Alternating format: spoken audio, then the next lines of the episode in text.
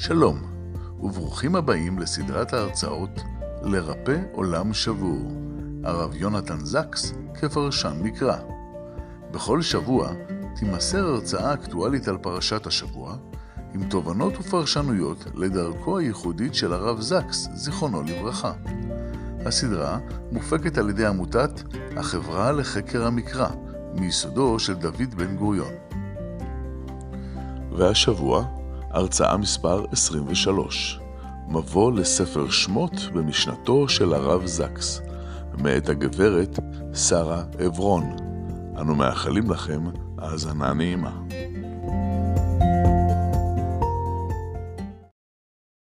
ערב טוב לכל משתתפי ההרצאה בארץ ובחו"ל, הרצאה מספר 23, הרב זקס כפרשן מקרא, עם המרצה שלנו, שרה עברון, הנושאת גם בתפקיד המזכירה הכללית של תנועת הקיבוץ הדתי, עם הנושא מבוא לספר שמות במשנתו של הרב זקס, זיכרונו לברכה.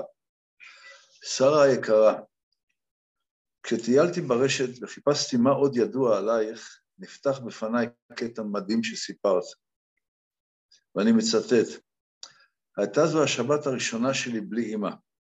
שבת ראשונה כיתומה בת עשר. שרה מספרת שאביה העמיד אותה מול הפמוטים של אמא ואמר לה, הגיע העת להדליק נרות שבת. אבא בעצם אמר לי, זהו התפקיד שלך, קחי אחריות. היום אני מבינה שהייתה בכך אמירה גדולה, שצריך לקחת אחריות ולעשות. ומזה אני לומד שאת כל השנים לוקחת אחריות והולכת קדימה למען עם ישראל. זה לא מובן מאליו. אם כמנכ"ל יד יעקב הרצוג, ועכשיו האישה הראשונה אחרי 80 שנה כמזכ"לית תנועת הקיבוץ הדתי, ועוד רבות ורבות דברים שאת עושה. אין לך תקרת זכוכית, שרה. ברכות להצלחתך, ותודה על הצטרפותך למועדון המרצים של החברה לחקר המקרא מיסודו של דוד בן גוריון. ושוב, לכל הציבור, תזכורת, לקראת סוף ההרצאה נפתח את המיקרופונים ונאפשר דו-שיח עם המרצה, וכמובן בצ'אט בזמן ההרצאה. וכפי שאתם יודעים, ההרצאות מוקלטות לטובת, לטובת ציבור המאזינים באתר של החברה לחקר המקרא, בפייסבוק, ביוטיוב של החברה, וגם בפודקאסט, או בעברית תקנית, הסכת, שהרי היום זה יום השפה העברית. וגם בהסכת, תחת הכותרת, החברה לחקר המקרא, הרב זקס, לרפא עולם שבור. תודה לגברת שושנה לנגרמן על תרומתה לעילוי נשמת הסבתא שרה בת אריה לאופולד, שנפטרה בבית שבט. ותודה לכל התורמים והמברכים אותנו במייל, בוואטסאפ. זה באמת נותן לנו כוח וחשק להמשיך ולפעול. וכל תרומה מתקבלת בברכה ובתודה. שרה, בבקשה, הבמה שלך. ערב טוב, תודה ישראל ותודה כולם שאתם, שאנחנו כאן ביחד. זו זכות גדולה ללמד וללמוד ביחד עם הציבור הרחב הזה, שמתכנס כבר כמה חודשים טובים, וישראל, המפעל הגדול הזה שאתם עושים, להנגיש את משנת הרב יונתן זקס להרבים בעברית, על מנת שלא רק נלמד, אלא גם נלך בדרכו, אני חושבת שהיא חשובה עד מאוד, וטוב שהמשכת לדבר עוד קצת, כי הסיפור שהבאת בתחילת דבריך, אמנם פורסם בציבור, אבל גורם לי ככה להתרגש כשאני שומעת מישהו אחר מדבר את המילים שלי, אז ממש ממש תודה. אנחנו היום, הערב, במבוא לספר שמות. היינו כאן, זאת אומרת, אני לא באה לכל השיעורים לצערי, כי אני כן מזכ"לית הקיבוץ הדתי, ולפעמים עושה גם דברים אחרים בימי חמישי בערב, אבל הייתי כאן בשני ימי חמישי, אחד מהם כשלמדנו ביחד את המבוא לספר דברים, ואחר כך את המבוא לספר בראשית. ואני רוצה להגיד על זה לפני שאני אפתח את המצגת, זה הספר של פרשות השבוע של הרב זקס באנגלית לספר שמות. וכפי שאתם יכולים לראות על הכריכה, אנחנו נראה את זה עוד מעט בפנים, הכריכה של הספרים, ספריו באנגלית, שהוא הקדים לכל אחד מהם מבוא, לכל אחד מספרי התורה, כרוכה בתמונות מהאומנות הכללית. ואנחנו יכולים לראות תמונות של רובנס ושל רמברנט, וזה חשוב עד מאוד כשאנחנו מבינים את, ולומדים את תורת הרב יונתן זקס. מה שאני רוצה לומר עוד, כפי שאמרתי בשני המבואות הקודמים שלמדנו יחד, היא שבכל אחד ב... לספרים של, של החומש, בראשית עד דברים, הרב יונתן זקס כתב הקדמה באנגלית, בעברית יש בידינו את שיח ושיג, שמאגד לשני כרכים חלק ממאמריו שהתפרסמו במהלך השנים, באנגלית התפרסמו יותר, ובכל אחד מהכרכים באנגלית הוא כתב ופרסם אה, מבוא. ומה שאנחנו הולכים ללמוד כעת הערב ביחד זה אה, בקצרה חלק, או לא את כל, את המבוא, תמצית המבוא שהוא כתב לספר שמות. ול, ולמבוא הזה הוא קרא שמות לידתה של אומה. אם יש איזושהי תקלה בהעברת השקפים או משהו כזה, ישראל תסמנו לי, כדי שאני לא ארוץ קדימה ותהיה איזושהי אה, החמצה. אז זה שיח ושיג, שהיום הרבה מאוד, אני מניחה שכל מי שנכנס לשיעור הזה כבר שמע אה, את אה, על הרב יונתן זקס, ורבים רבים בטח מחזיקים את הספרים האלה על המדף, וגם כאן על הכריכה של הספרים בעברית יש יצירת אומנות עכשווית וזה לא נראה כמו ספרי הקודש שחלקם מאחוריך ישראל וחלקם מאחוריי אה, על המדפים שלנו, אלא נראה משהו אחר לגמרי, משהו שמשלב בין אה, עולמות. חומשי התורה. שרה, סליחה, כן. אנחנו עוד אה, רואים את השקף הראשון. תודה, תודה, תודה, תודה. נסי רגע להתחיל הצגה. תודה רבה. זה בדיוק מה שאני אה, מבקשת שנעשה.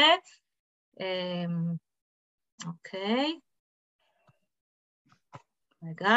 האם אתם רואים את השקף שכתוב עליו חומשי התורה? לא, לא, לא.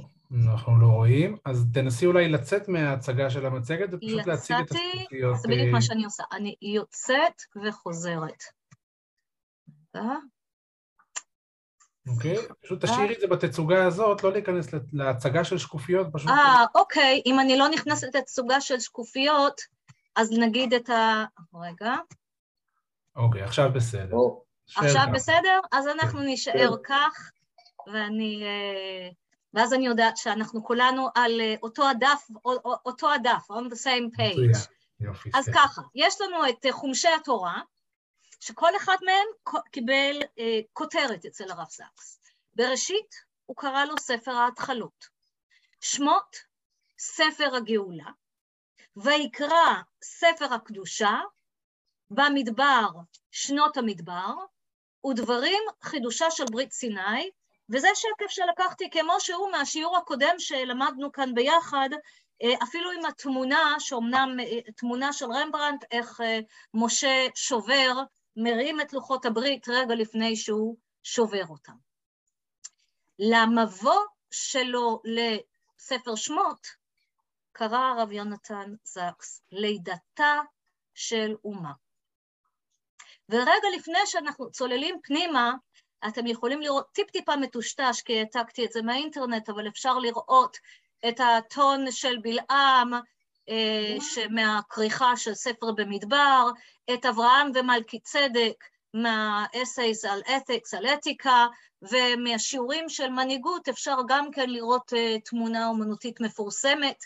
ואני רק אביא, כי אני לא אזכה ללמד כאן את השיעור קצר על ויקרא, אבל uh, אומר בפרשת ויקהל, יש עיון מפורסם שהרב סקס חזר עליו כמה פעמים בגרסאות שונות, שהוא כתב, הוא ציטט את uh, הראיה קוק, שטייל בלונדון בניישנל גלרי, וכשהוא ראה, הרב קוק, את uh, היצירות האומנותיות של, של רמברנט, אמר עליו uh, הראיה, רמברנט היה צדיק.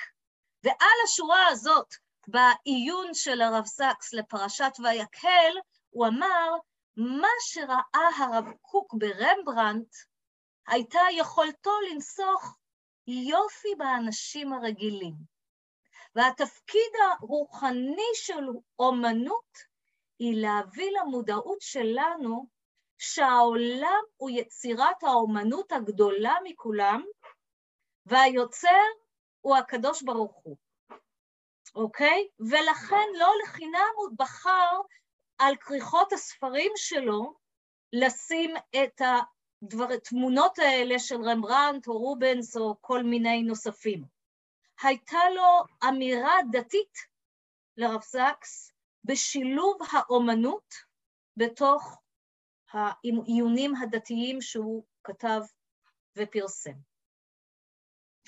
למבוא לספר שמות יש סדרה, יש סדרה של כותרות.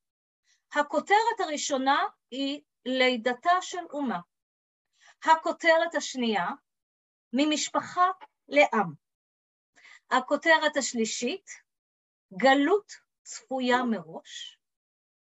אחריה הוא ידבר על המונותאיזם והצדק האוניברסלי. אחריה הוא ידבר על משה איש הצדק, וגם על הנשים שלצידו, ואז הוא יסביר לנו מה זה עם הברית ומהו מרכיב ההדדיות, ולסיום הוא ידבר על הטקסט הגלוי והטקסט הסמוי שישנם בספר שמות, ויסיים בערב שבת עם האוטופיה הריאליסטית. ועם כל הכותרות האלה, אנחנו נפרק אותן אחת-אחת, ונעבור על כל אחת מהן, שאומנם אה, הרב זקס אומר אותן באריכות, ואני גם אגיד בזהירות שאינני מתרגמת מקצועית. המקצוע שלי הוא, אפשר להגיד, מורה או מנהלת או כל מיני דברים, אינני מתרגמת מקצועית, ויכול להיות מאוד שקיימים בעולם אנשים שעושים את זה הרבה יותר טוב ממני. אני לוקחת משהו שהוא ברמה של אה, יושב אצלי כשפת אם, מעבירה לשפת אם נוספת, אה, ותבורך עמי עליה השלום שנטעה בי את שתיהן, ומנסה להעביר מכלי אל כלי, ועוד בתמציתיות. אז אני אומרת הכל בזהירות רבה, אה, יש כאן איזושהי, איזשהו ניסיון להעביר לתוך איזושהי, איזשהו מאמר שאורכו לפחות 15-20 עמודים, לתמצת אותו לתוך פחות משעה ולתת את אה, עיקרי הרעיונות שלו, אז אני מקווה שאתם ואנחנו נפיק את המרב מהדבר הזה. אז נתחיל מההשראה שספר שמות נתן ברמה האוניברסלית ללידתה של אומה ולידתן של אומות. ואני בכל זאת רוצה רגע, גם אם אני אצטרך אחר כך לחזור ל... אה, אתם... לא, אני לא, לא אעשה את זה, אוקיי. מצד שמאל אתם יכולים לראות את החותם הגדול של אה, ארצות הברית, אוקיי? ההשגחה הכירה בקיומנו, סדר חדש של הדברים, או באנגלית, rebellion to tyrants is obedience to God. הסיסמה הזאת של אה, למרוד כנגד העריצות והעריצים היא הציות הכי גדול לקול האלוהי.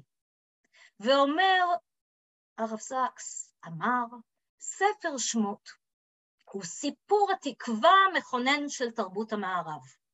יש כאן סיפור מדהים של קבוצת עבדים שהשתחררה מהאימפריה החזקה ביותר במזרח הקדום, והיא מכילה בעצם מסר תיאולוגי, תיאולוגי מהפכני.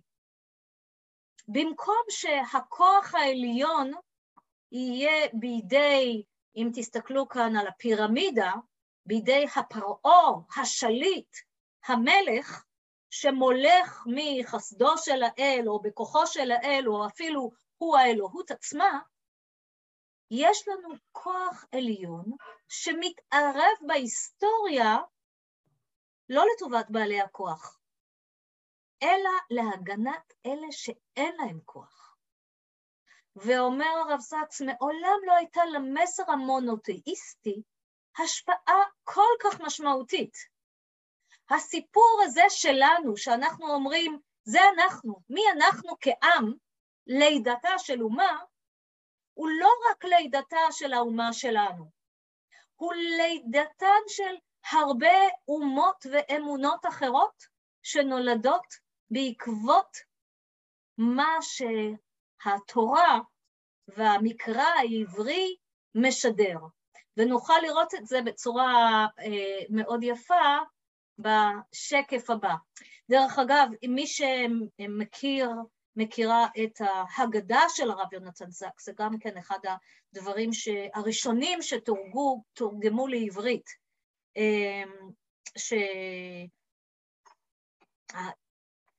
שהחירות מדברת במבטא עברי. זה היה, אני חושבת, הדבר הראשון כמעט של הרב זקס שפורסם במקור ראשון לפני איזה שבע או שמונה שנים, על אה, ממשנתו לקוראי העברית, וכאן אנחנו, הרעיונות האלה של יציאת מצרים, היו הרעיונות שנתנו עליהן עמד מרטין לותר קינג, למשל, בנאום פסגת ההר שלו. בממפיס 1968, לא מזמן הייתי אה, בדיוק במקום הזה, אה, רואים מי שהיה בוושינגטון ועמד ב-Mall המפורסם במדרגות שצופות אל אה, הקפיטול ועומדים שם בדיוק במקום שעמד מרטין לותר קינג וקרא לאומה האמריקאית ואמר, אני לא יודע מה יקרה עכשיו, עומדים לבוא ימים קשים, אבל לי זה לא משנה. אני הייתי על ראש ההר, אבל לא אכפת לי. כמו כל אחד, אני רוצה לחיות חיים ארוכים, כי לאריכות ימים יש ערך. אבל אני כבר לא מודאג על זה עכשיו.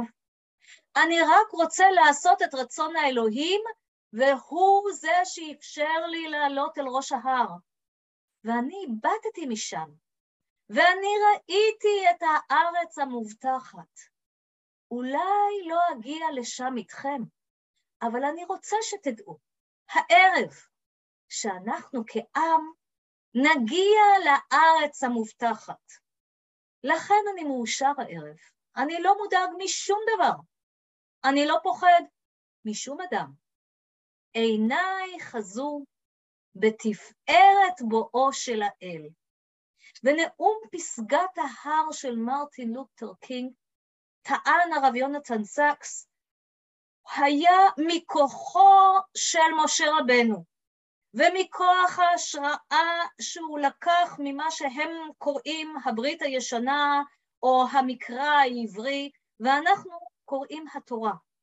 כי יש ערכים אוניברסליים שתורגמו ונתנו כוח למהפכות חברתיות אה, מטורפות, שכל תרבות המערב יושבת עליהן. כשהוא כתב, אה, הרב יונתן זקס, את אה, המבוא לספר שמות, אז הוא נשען על הדבר הזה ואמר, תראו, גם עלייתו לשלטון של אובמה והמהפכה שהוא הוביל, אחר כך הייתה לו גם ביקורת על אובמה, אבל, אבל בעת כתיבת הדברים, אם אה, אה, אלה מכם שיש לכם את הספר שלו באנגלית ותוכלו לקרוא את המאמר בשלמותו, תראו שהוא שם שמה את אובמה כהולך בעקבות אה, הרעיונות של ספר שמות והרעיונות של נאום פסגת ההר.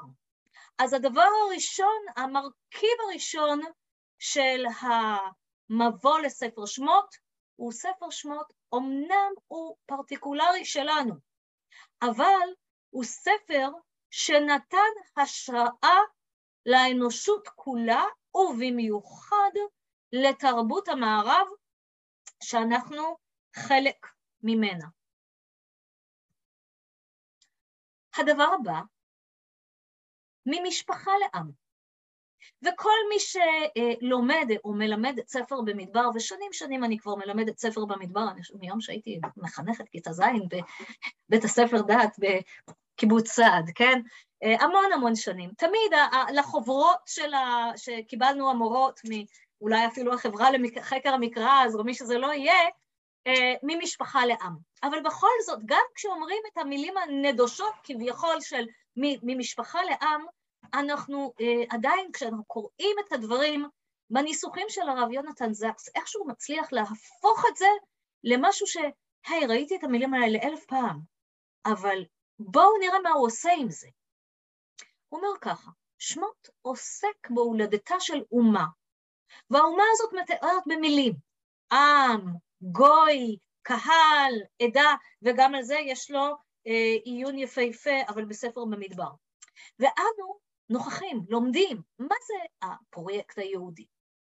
הפרויקט היהודי עוסק בפוליטיקה, ואם אתם זוכרים, כשדיברנו על אה, ספר דברים, ועל זה שספר דברים בכלל הוא ספר ש, שמדבר על החברה ועל הפוליטיקה, אז מה, מה הוא עושה ב, בתור חלק מחומש ש, של דת? אבל ספר שמות עוסק בפוליטיקה, חברה, והעקרונות סביבם יכולים אנשים לחבור יחד ליצירת חברה, הרי הם יוצאים ממצרים והופכים מעם עבדים לחברה אנושית, יהודית.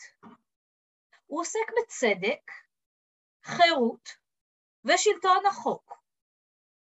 הוא עוסק בקדושת החיים וכבוד האדם, וצריך לזכור שבחלקים הראשונים של שמות, הדברים נעשים דרך סיפור, ובחלקים האחרים שלו זה נעשה דרך חוק. ובסופו של דבר, הוא עוסק בשימוש לטובה ובשימוש לרעה בכוח. זאת אומרת, כשיש לנו כוח, אם אתה מלך העולם העתיק שקוראים לך פרעה, או אתה אה, עומד בראש חבורת עבדים שמרימה ראש, איך אתה משתמש בכוח שלך לטובה? איך אתה משתמש באותו כוח לרעה? שמות שם על השולחן את הסיכונים שיש בכוח. כוח יכול לשמש לדיכוי, לשיעבוד, וכן, לרצח, להרג. וזו הייתה התוכנית של פרעה, ואנחנו קוראים עליה איך שנכנסים לספר שמות. סיפור שמות הוא לא סיפור פשוט של הטוב והרע. זאת אומרת, אין לנו רק אנשים טובים ואנשים רעים, ובואו, אה, כמו שאומרים לפעמים בסיפורי ילדים תמימים, וסיפורי ילדים הם, כשהם טובים הם אף פעם לא תמימים לגמרי, בואו נראה את כל הרעים בצד אחד ואת כל הטובים בצד שני, והטובים, כאילו, אה, כוחות השחור מול כוחות האור. לא, הוא אומר זה קריטיק, זו ביקורת של הכוח, על הכוח של האימפריות, של חברות מעמדות היררכיות וחלוקה של אוכלוסיות של חופשיים ועבדים. ואם נחשוב רגע, כל משפט כזה שהרב זקס אומר, הוא לא מדבר על, או רק על מה שהיה במצרים אז. הוא מסתכל על החברה של המאה ה-21, והוא מסתכל על העולם שלנו, על אימפריות שהן לא תמיד מדינות, על חברות מעמדיות, מעמדיות היררכיות ועל איפה יושב הכסף והכוח ומי הוא המשועבד. ואומר, התורה מציעה לנו סוג אחר של, פוליט, של פוליטיקה. פוליטיקה לא שמבוססת על למי יש יותר כוח, פוליטיקה שמבוססת על ברית. וקודם כל זה מתחיל בהסכם. יש עם חופשי שמקבל על עצמו את המרות של האל לבדו. הוא מקבל על עצמו את האלוהים שלו. וזה רעיון מהפכני, וזה רעיון שעיצב, הוא אומר, את ההיסטוריה של המערב.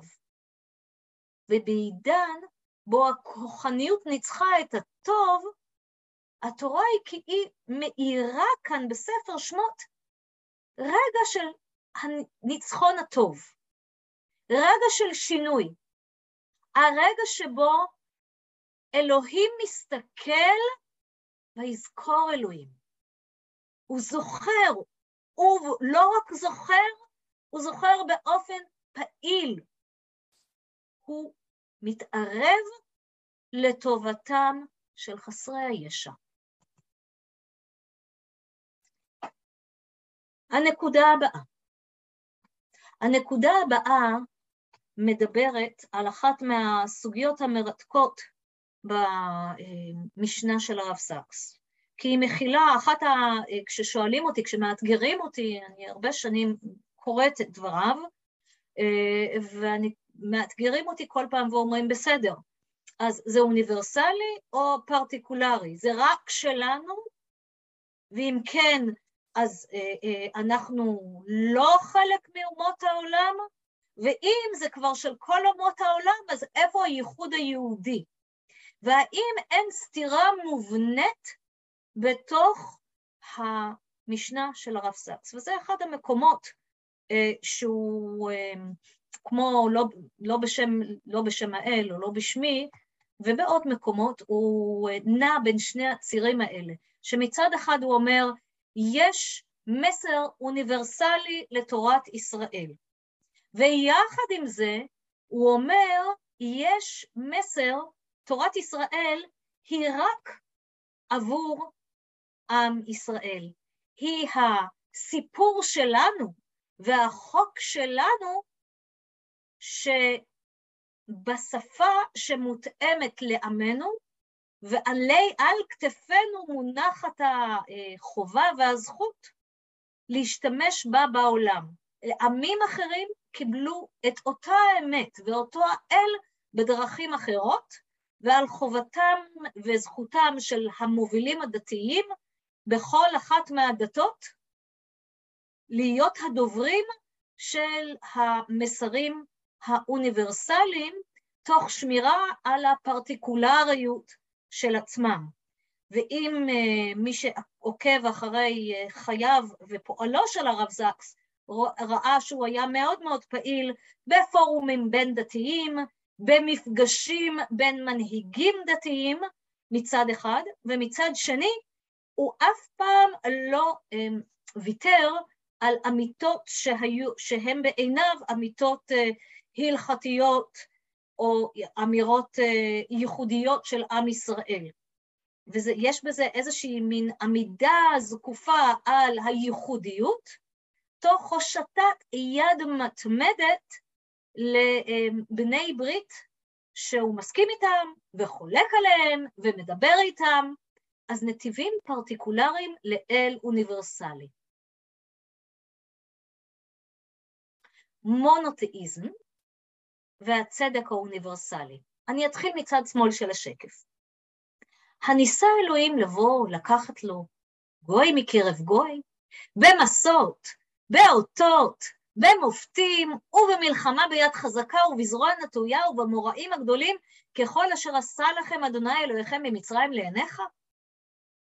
זה המבט בפתיחה של ספר דברים, בנאום ההיסטורי הפותח, מסיפור המסגרת, מה שנקרא, של ספר דברים, שבו משה רבנו מסתכל 40 שנה אחורה ואומר לדור כבר של אה, יורשי הארץ, אתם מבינים מה היה כאן? תראו אחורה. היה אי פעם דבר כזה, והוא מתאר את ספר שמות. הוא מתאר את האירועים האלה של איך הם נראים 40 שנה אחורה. היה דבר כזה? אנחנו קיבלנו, הוא אומר, לדור שהולך להיות, להיכנס לארץ עם יהושע, אנחנו קיבלנו התגלות אישית. אנחנו מסות ואותות ומופתים ראינו. אנחנו היינו שם שהקדוש ברוך הוא חצה את הים והעביר אותנו אה, אה, בים סוף וטיבע את המצרים ואחר כך עזר לנצח את עמלק. אנחנו היינו שמה כשהזרועו הייתה נטויה במוראים גדולים על כל ארץ מצרים. אסור לשכוח את זה. זה משהו שלנו. לכל אומה יש את האלוהים שלה, אבל אף אחת מהן מלבד עם ישראל, לא עבדה אל הנמצא בכל מקום ושולט בכל מקום.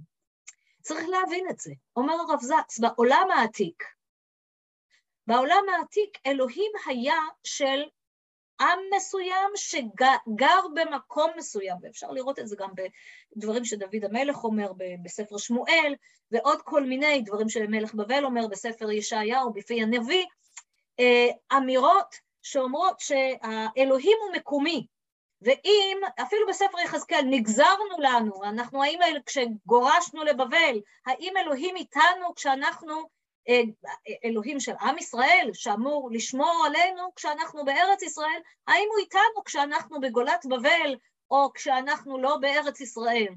והתפיסה הזאת, שלכל ארץ יש את האלוהים שלה, והעם הייחודי של הארץ הזאת עובד את האל שלו, ואם העם עובר דירה, אז הוא צריך לעבור דירה, לצורך העניין, לאלוהים של הארץ החדשה שהוא עבר אליה.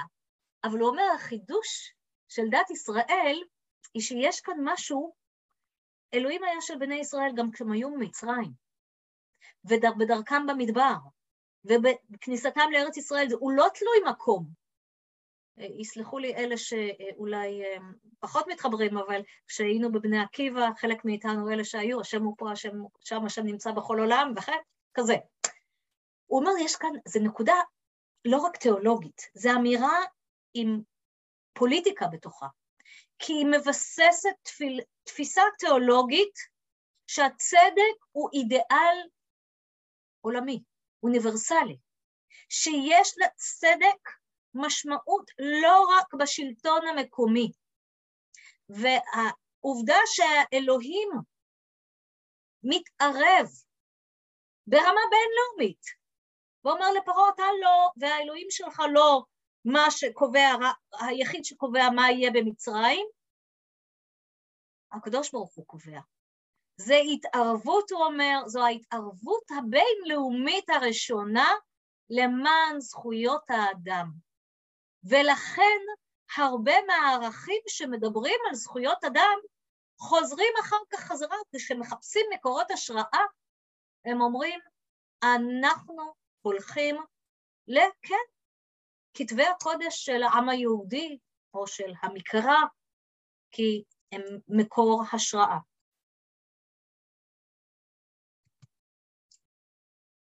הנקודה הבאה, או שני השקפים הבאים, מדברים על משה. וכאן אנחנו ממש מגיעים לפרשת השבוע שלנו.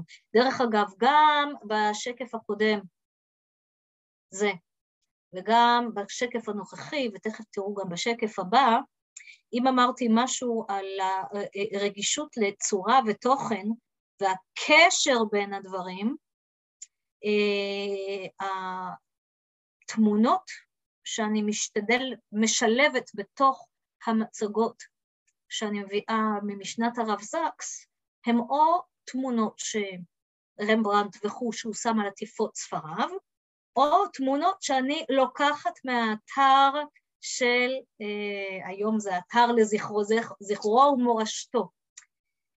בכוונה. יש כאן אמירה של צורה ותוכן. יש כאן אמירה של אה, אה, בואו נפנה לכל החושים. יש כאן אמירה שיש ערך לאומנות, והיהדות לא צריכה לברוח מהאומנות פלסטית, ושנים שנים שנים שברחנו מהאומנות הזאת, אלא להגיד, כן, יש לה תפקיד. תסתכלו על ה-on וה-no הזה. או, אנחנו, איך, אני קורא, איך אנחנו קוראים את זה? כי משה מתערב, ומשה שהוא הדמות האנושית במרכז הבמה. משה הוא איש הצדק. אם אנחנו מדברים על התורה שהיא בספר שמות מביאה את הצדק, ובשמו של הצדק הזה האלוהים מתערב ואומר, לא תשעבדו את העם, שום עם. אין זכות לאף עם לשעבד עם אחר ולהרוג בו ולהתנהג כפי שמתנהג פרעה ועמו, אוקיי? צריך להיות צדק. האיש בדרמה הזאת שמגלם את הצדק הוא משה. זו הדמות האנושית. ורק בפרשה שלנו, כבר בפרשה שלנו, וזה מפורסם גם במקומות אחרים, משה מתערב שלוש פעמים. להגן על הישראלי מפני המצרי, להגן על הישראלי מפני הישראלי, ולהגן על, זה מחכה לנו אחר כך תכף, מנות יתרו מפני רועי מדיין. כי ספר שמות עוסק בצדק. אבל עכשיו תראו, גם עם תמונה מהממת, גם מהאתר, מי הפנים האנושיות של הצדק המוסרי.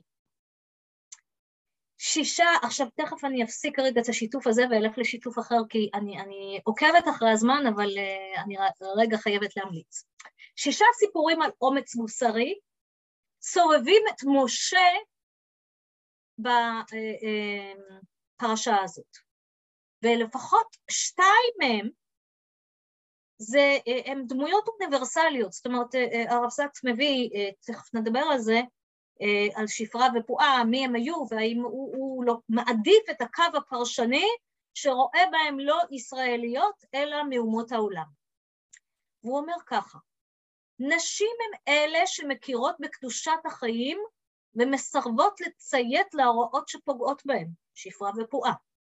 נשים הן יראות האלוהים שאינן מתייססות להתייצב מול הרוע האנושי, כשאומר להם המלך, והן באות, תחשבו, זה משהו כמו מעמד של משפט אה, מלכותי. הוא אומר, מה, מה קורה אצל העברים? והן אומרות, והן מתייצבות. הן בעלות החמלה. הן מביאות את הקול של החמלה. ואומר הרב יונתן סקס, צדק ללא חמלה הוא לא צדק. והתורה אומרת לנו שמשה, ההתגלמות המושלמת של השאיפה לצדק, הוא לא מספיק.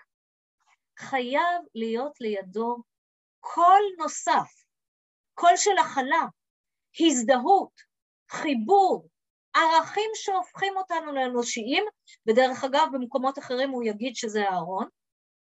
אם אנחנו רוצים לייסד חברה שבה לצדק יש פנים אנושיות. אני רגע עוצרת כאן כי אני רוצה לשתף בעוד, ומה שנקרא במקרה הכינותי מראש, אה, שמות, אה, תכף, דקה. מי מכם, אני מניחה שלא מעטים, אה, נכנסים לאתר של הרב זקס או מקבלים מהחברה לחקר המקרא או ממקומות אחרים את העיונים שממשיכים להתפרסם השנה. אה, והעיון שמתפרסם השבת הזאת, הבאתי אותו, ב, ב, אני מניחה שזה צור ארליך הנפלא ש, שעושה את התרגומים האלה, אבל העיון שאנחנו לא נקרא אותו, ואם אה, ישראל יבקש, לדעתי יש, יש, זה יכול שישראל אתם עצמכם גם כבר פרסמתם את העיון הזה, אבל אם לא, נשלח לך אחר כך בוואטסאפ ואפשר יהיה לשתף לכל המשתתפים, אבל על הסיפור של שפרה ופועה, הוא כותב השבוע. Uh, הוא לא כותב השבוע, מפרסמים בשמו השבוע את דברים שהוא כתב uh, יותר מפעם אחת, ואני רק אצטט, מחפשת, הנה, רגע. סיפור המיילדות הוא חלק מחזון רחב יותר, שמובלע בתנ"ך כולו, שהזכות העליונה על הכוח, ושאפילו עם האלוהים, עם האם, שהזכות, שהזכות עליונה על הכוח. ואפילו עם אלוהים עצמו אפשר לריב את ריב הצדק, עין ערך אברהם אבינו, אוקיי? הסיפור על אומץ ליבן של שתי נשים מיוחדות הוא זה אשר חולל את התקדים שכעבור אלפי שנים יהיה הבסיס של אה, מהטמה גנדי וכולי. אז שימו לב, אה, אני חוזרת למצגת שלנו. רגע, אני רואה שמישהו אומר משהו, מעיר משהו. התקבל באימייל מה שאני מקרינה. נהדר. תודה לך, דורית מרציאנו. וזה בדיוק זה. אז, אז אה, בדיוק בדיוק זה. רגע, דקה, אני חוזרת למצגת. אז נשים, הפנים האנושיות של צדק מוסרי. עם הברית. רואים את השקף? אם אני לא שומעת תגובה... כן, כן, רואים, רואים. תודה. אז עם הברית, אוקיי? זה לא רק צדק, זה ברית. ויש שלושה מרכיבים ייחודיים לברית סיני, אחר כך תהיה גם ברית ערבות מואב, דיברנו עליה בשעתו כשבמבוא לספר דברים, נצטרך לדבר עליה שוב. אז קודם כל, אחד הצדדים הוא הקדוש ברוך הוא בעצמו. בכל הקשר אחר זה היה נשמע מופרך. אלוהי העולם העתיק, בכל התרבויות האחרות במזרח הקדום, שלטו דרך כוח, ולא דרך הסכמים עם הנתינים שלהם, וכשהיו הסכמים אז היו הסכמים כובלים. שניים, מדובר בעם שלם. לא המלך שעושה את זה בשם כולם, אפילו לא האליטה. הטקסט מדגיש זאת פעמיים, זה עם שלם. והברית לא הוגבלה ליחסי חוץ. זאת אומרת, בין שני הצדדים. הברית הזאת שנחרטת, נחרטת גם פנימה, בחיי הפנים של העם. היא תהפוך לקוד המוסרי והרוחני שלהם, מה שהוא קרא למגילת העצמאות של חירותם. רעיון הברית, ועל זה הוא כותב גם אה, בעיון של השבוע הזה, זה בדיוק מה שהוא כותב שמה, אה, את כל הסיפור של אה, התגלות, אה, ההתחברות מחדש בסוף תקופת הרפורמציה. הוא מילא תפקיד מרכזי בלידתה של המודרניות, מודרניות, ובהיווצרות של החברות החופשיות. לוחות הברית, מגילת החירות. ויש כאן סדרה של פשוט הצהרות. חברה חופשית, זה הישג מוסרי. זה לא הסכם על כוח, כי עשרת הדיברות מדגישות קדושת חיים, שלמות משפחה, כבוד לאמת, לרכוש הזולת. עשרת הדיברות, המגילת החירות הזאת שלנו, מסכמות את עיקרי החברה המתוקנת, ואנחנו אומרים אותה, מקבלים אותה כברית שמימית, והן מסוכמות באופן קל קצר לזכירה וחקוקות על ליבו של עם שלם. הוא אומר, זה הקוד המוסרי המפורסם ביותר בעולם, והוא הרבה לכתוב על אתיקה.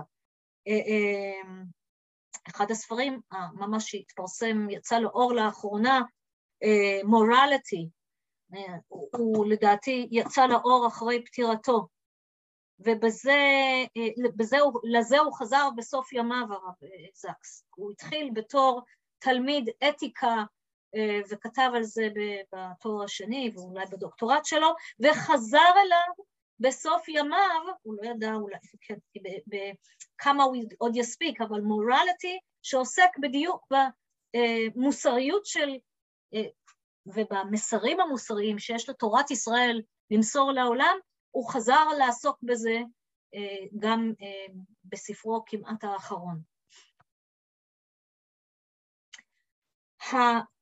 הפן הבא, יש לנו עוד אה, שתי נקודות, זו שלוש נקודות מעכשיו ואנחנו כבר אה, מגיעים לסוף הלימוד עוד מעט.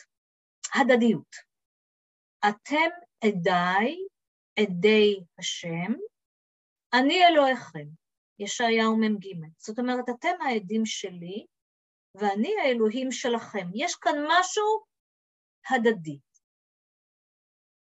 והוא אומר ככה, אלוהים לא יכול לחיות בתוך המצב האנושי כבודד. זאת אומרת, כשהקדוש ברוך הוא עמד מול אדם, קין, דורות אדם מבול, בוני מגדל בבל, הם הכזיבו. הקדוש ברוך הוא ציפה מהאדם הראשון, מחווה, מקין והבל, מנוח, מכולם, הוא ציפה מהם, מהעשרים הדורות האלה הראשונים של העולם. אבל הם הכזיבו בתגובה הראויה.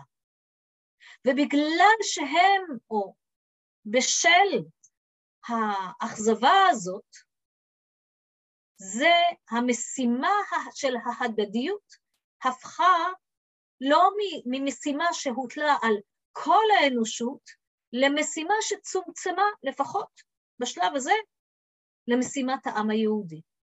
כשלעצמו, בהיסטוריה שלו, בגורל שלו, בחוקים שלו, בדרך חייו. כל הדברים האלה, ההיסטוריה, הגורל, החוקים ודרך החיים של העם היהודי אמורים להצביע למשהו טרנסנדנטי. כשישעיהו אומר אתם עדיי, זה לא אתם קמים בבוקר כל יום ואומרים עולם יקר תקשיב, אה, אנחנו מעידים שהשם בורא עולם ומנהיגו קרא שיהיה כאן צדק ותהיה כאן חירות ויהיו כאן בריתות טובות. הוא אומר, איך שאתם חיים, האופן שבו אתם מתנהלים בעולם, הוא העדות. הגורל שלנו, החוקים שלנו, דרך החיים שלנו, זו העדות. וזה משקל מאוד מאוד גדול שמונח על כתפינו כעם.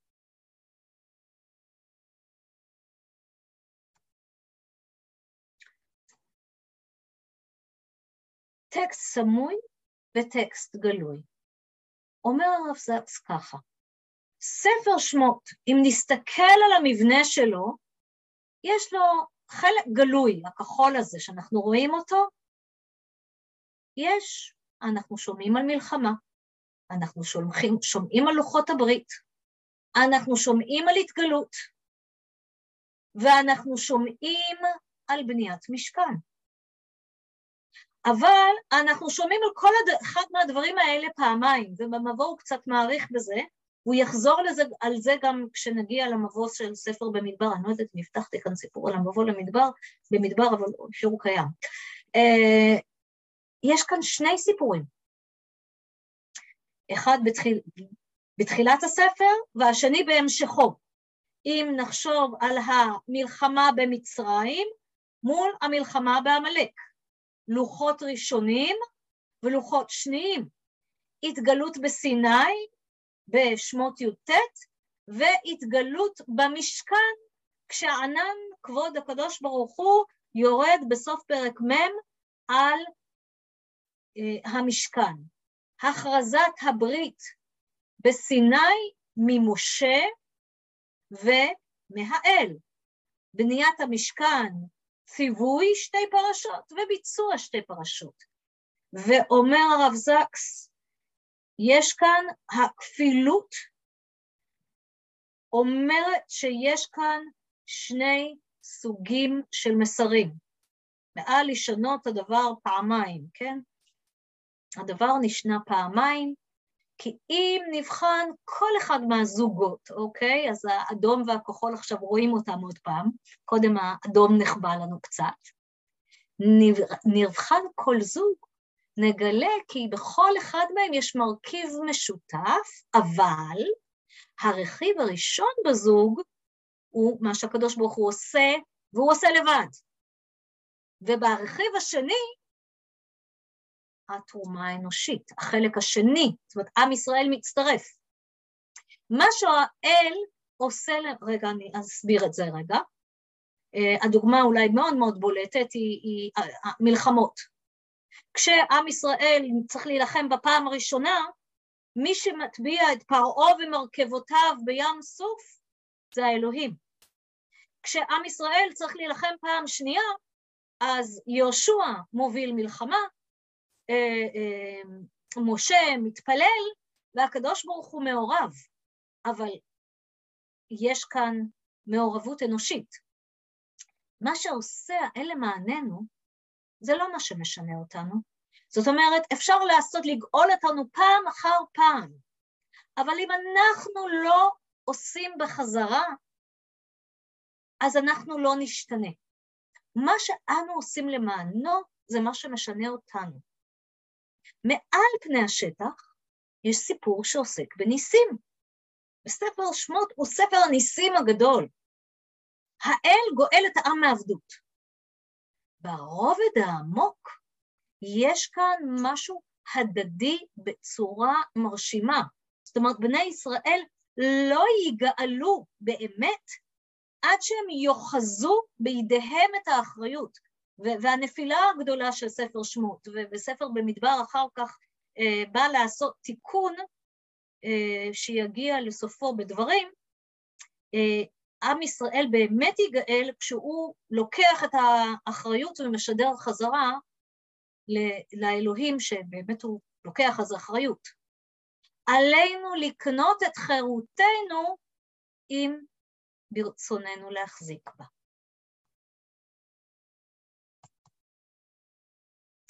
שלושה שקפים אחרונים, ואני רואה שאני בסדר עם הזמן. אוטופיה ריאליסטית. זה הכותרת האחרונה ש, אה, של הרעיונות שמדבר עליהם הרב זת במבוא שלו לשמות. הוא אומר, תראו, המפתח להבין את הפוליטיקה של ספר שמות, מי מפעיל כוח, נגד, בעד ואיך, הוא גם המפתח להבנת יהדות. יהדות אומרת, קודם כל אוטופיה, אנחנו מדברים על עולם אידיאלי, על מחשבה של מה הדבר הכי נשגב שיכול להיות, על הדבר שלעולם לא נגיע אליו. אבל אנחנו רוצים אותה עכשיו. איך עושים את זה? אפשר להכניס אוטופיה לתוך החיים שלנו עכשיו? הוא אומר, משמעות השבת מאירה את הדבר הזה בחוזקה, של איך עושים אוטופיה עכשיו. המצווה הראשונה שקיבל העם במדבר הייתה השבת. המצווה, אחת הדברים המרכזיים בעשרת הדיברות, תראו את אורך הדיברה שעוסקת בשבת, נמצאת בתוך עשרת הדיברות. השבת חוזרת גם לפני וגם אחרי חטא העגל. השבת היא מרכזית בפוליטיקה של החירות, כי בתוכה היא מכילה את אה, הרעיון הזה של אוטופיה עכשיו, אה, אומרים לי, בנימין, סליחה, ואתם עדיי, אז אני אבדוק, סליחה, אם יש לי כאן לא ציטטתי, נכון, אז אני... אה, אה, אני אתקן את עצמי. תודה רבה לבנימין שמתקן אותי.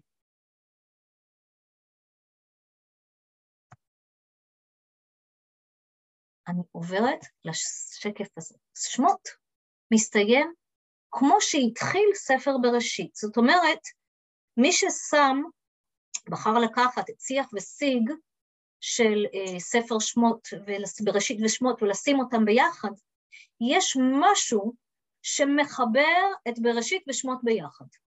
שמות מסתיים במקום שספר בראשית התחיל בו.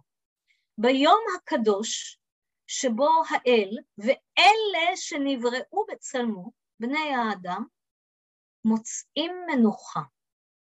נקודת השקט בתוך העולם המסתובב על צירו. זאת אומרת, אפשר אוטופיה, אבל לא כל הזמן. גם אם היא יכולה להיות עכשיו, והיא חייבת להיות נוכחת בזמן, היא אפשרית יום בשבוע. ישראל נקראו כדי לשמש בין האומות מה ששבת משמשת בתוך הזמן. הוא אומר, אנחנו לא יכולים להיות ככה כל הזמן, אבל בעצם מה שהקדוש ברוך הוא שם על הכתפיים של העם הזה, כשהוא הוציא אותם ממצרים, אותנו, זה סימן לדבר שראוי שנהיה בתוך מה שקיים כעת. ואם אנחנו באמת בזה נגיע למשפטי סיום שלו, לא היו מועמדים פחות מתאימים וצפויים להיבחר, להיות גיבורי הסיפור הזה, בכל ההיסטוריה האנושית. אנחנו לא מתאימים לזה. אנחנו עם קפריזי, אנחנו בעלי מחלוקת, אנחנו כל הזמן סוטים מהדרך הנכונה, ואנחנו מתקשים לראות את המחר וכל הזמן רק מקצרים. על אחת כמה וכמה שאנחנו לא יודעים לראות את שהעתיד ייפרס והוא יהיה טוב. לנו מתאים שיקרא לנו, לנו הרמן מלוויל נושאי ארון הברית של חירויות העולם? כי ככה הוא קרא לעם הזה? לא היו מעמדים פחות מותאמים, מתאימים לזה. ובכל זאת, נבחר העם היהודי להיות נושאי ארון הברית של חירויות העולם.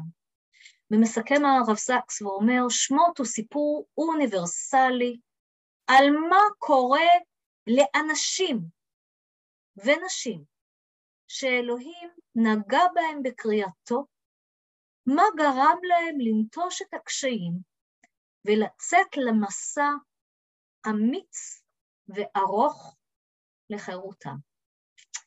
עד כאן. תודה לכם.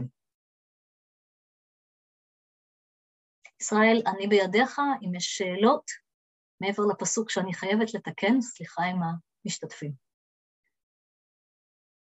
מי שמעוניין לשאול, מי שמעוניין להעלות נושא להרצאה המרתקת הזאת. האמת היא שאני רוצה הפעם, באופן יוצא מהכלל, להרים את הכפפה ולשאול שאלה שהייתי בספר רדיקלית אז ורדיקלית, ורדיקלית עכשיו. שואל הרב זקס שאלה מאוד מאוד מעניינת, שהוא כותב שאיננה נשאלת אף פעם, מדוע הייתה יציאת מצרים נחוצה בכלל? הרי אילולא הוביל אלוהים את בני ישראל למצרים, לא היה עליו להצילם ולהוציאם לחופשי. סיפור אברהם ובניו היה עשוי להתנהל בצורה שונה בתכלית. הנה תרחיש אפשרי. התיישבות בארץ כנען, ילדי אברהם גדלים, משגשגים, מתרבים לכדי שבט, לכדי עם, כוח, מדינה. הגולה הייתה נמנעת, כך גם הגאולה. מדוע איפה בני ישראל צריכים לעזוב את הארץ בטרם יוכלו להיכנס אליה? מדוע היה עליהם להיות תחילה עבדים לפני שיכלו לצאת לחופשי? וואי ואז הוא מוסיף עוד משפט מעניין, התנ"ך הוא ספר יוצא דופן. את יכולה להסביר לי את הקטע הזה? אה, וואו. אה, אחד, אני בטוחה שיש עוד אנשים שיכולים להסביר, אה, ונכנסתי עכשיו, רגע, דקה. זכור לא תשכח. תוך כדי שאתה דיברת, אוקיי, העליתי את אחד השקפים של ספר דברים, שבו בין היתר הוא אומר שהסיפור הזה של היות נרדף, לכן לא נרדוף אחרים, של דבר שלמדתי על, על עצמי, אה, בבשרי, שנחרט בבשרי, מי שלמד להיות עבד, ייקח את זה כמרכיב זהות לתוך המשך דרכו בעולם, אה, אני חושבת שזה חלק מהתשובות שהרב סקס עצמו הציע. יכול להיות שיש לו עוד תשובות לזה, אבל התשובה שבאה לי בשלוף זה שהוא הטביע בנו כבעין אה, חותם ברית את היותנו עוברים בדרך עבדות מצרים. עכשיו, זה דבר נורא להגיד, אתם חייבים לעבור דרך מוראות מצרים כדי להיות אה, נושאי הרעיון של אה, אה, אסור לרדוף אחרים, אסור לשעבד אחרים, וצריך להילחם למען מוסריות וזכויות האדם. אז, אז אולי יש בזה תשובה ישראלית. אני מבטיחה לחפש עוד, ויכול להיות שיש עוד אנשים ששותפים לשיעור שיש להם רעיונות נוספים. יש פה שאלה בצ'אט. אני רואה, תודה על זה, האם אפשר לראות בתיאור הכפול של המשכן שהוא תיאוריה לזה שהקדוש ברוך הוא, כן, אני מסכים, כאילו, אה, השאל, אני אקריא את השאלה במלואה למי שלא רואה, האם אפשר לראות בתיאור הכפול של המשכן שיקוף לתיאוריה של פעולת הקדוש ברוך הוא לבדה לעומת אה, פעולה משולבת עם העם? כן, כשאני דיברתי והבאתי את המלחמה לפני והמלחמה אחרי ואמרתי, טוב, אז כל אחד מהם אז זה בדיוק אה, הדברים, הכיוון שאליו אה, מדבר, מדבר הרב זקס, כן, בהחלט כן. אוקיי, זה נראה שכולם המומים לגמרי. אוקיי, הכל בסדר. אבל זה באמת היה מרתק, מדהים, וזה רק הפתיחה לספר שמות. מה שיש בפנים הוא עוד על אחת כמה וכמה עד כמה שהוא מעניין ומרתק. בכל אופן, אם אין שאלות, אנחנו נסגור את הערב ונתכונן לשבוע הבא, שיש לנו עוד אישה מאוד מרתקת, שהיא בעצם אה, מורה גם כן ומחנכת, עם המון המון אה, שיעורים וניסיון בשיעורים של הרב זקס. הרבנית יפית קליימר מרעננה, שמלמדת את תורתו של הרב זקס באופן קבוע, ויהיה מדהים לשמוע אותה. אני מאחל לכולם ערב טוב, תודה רבה על ההשתתפות, ולהתראות בשבוע הבא.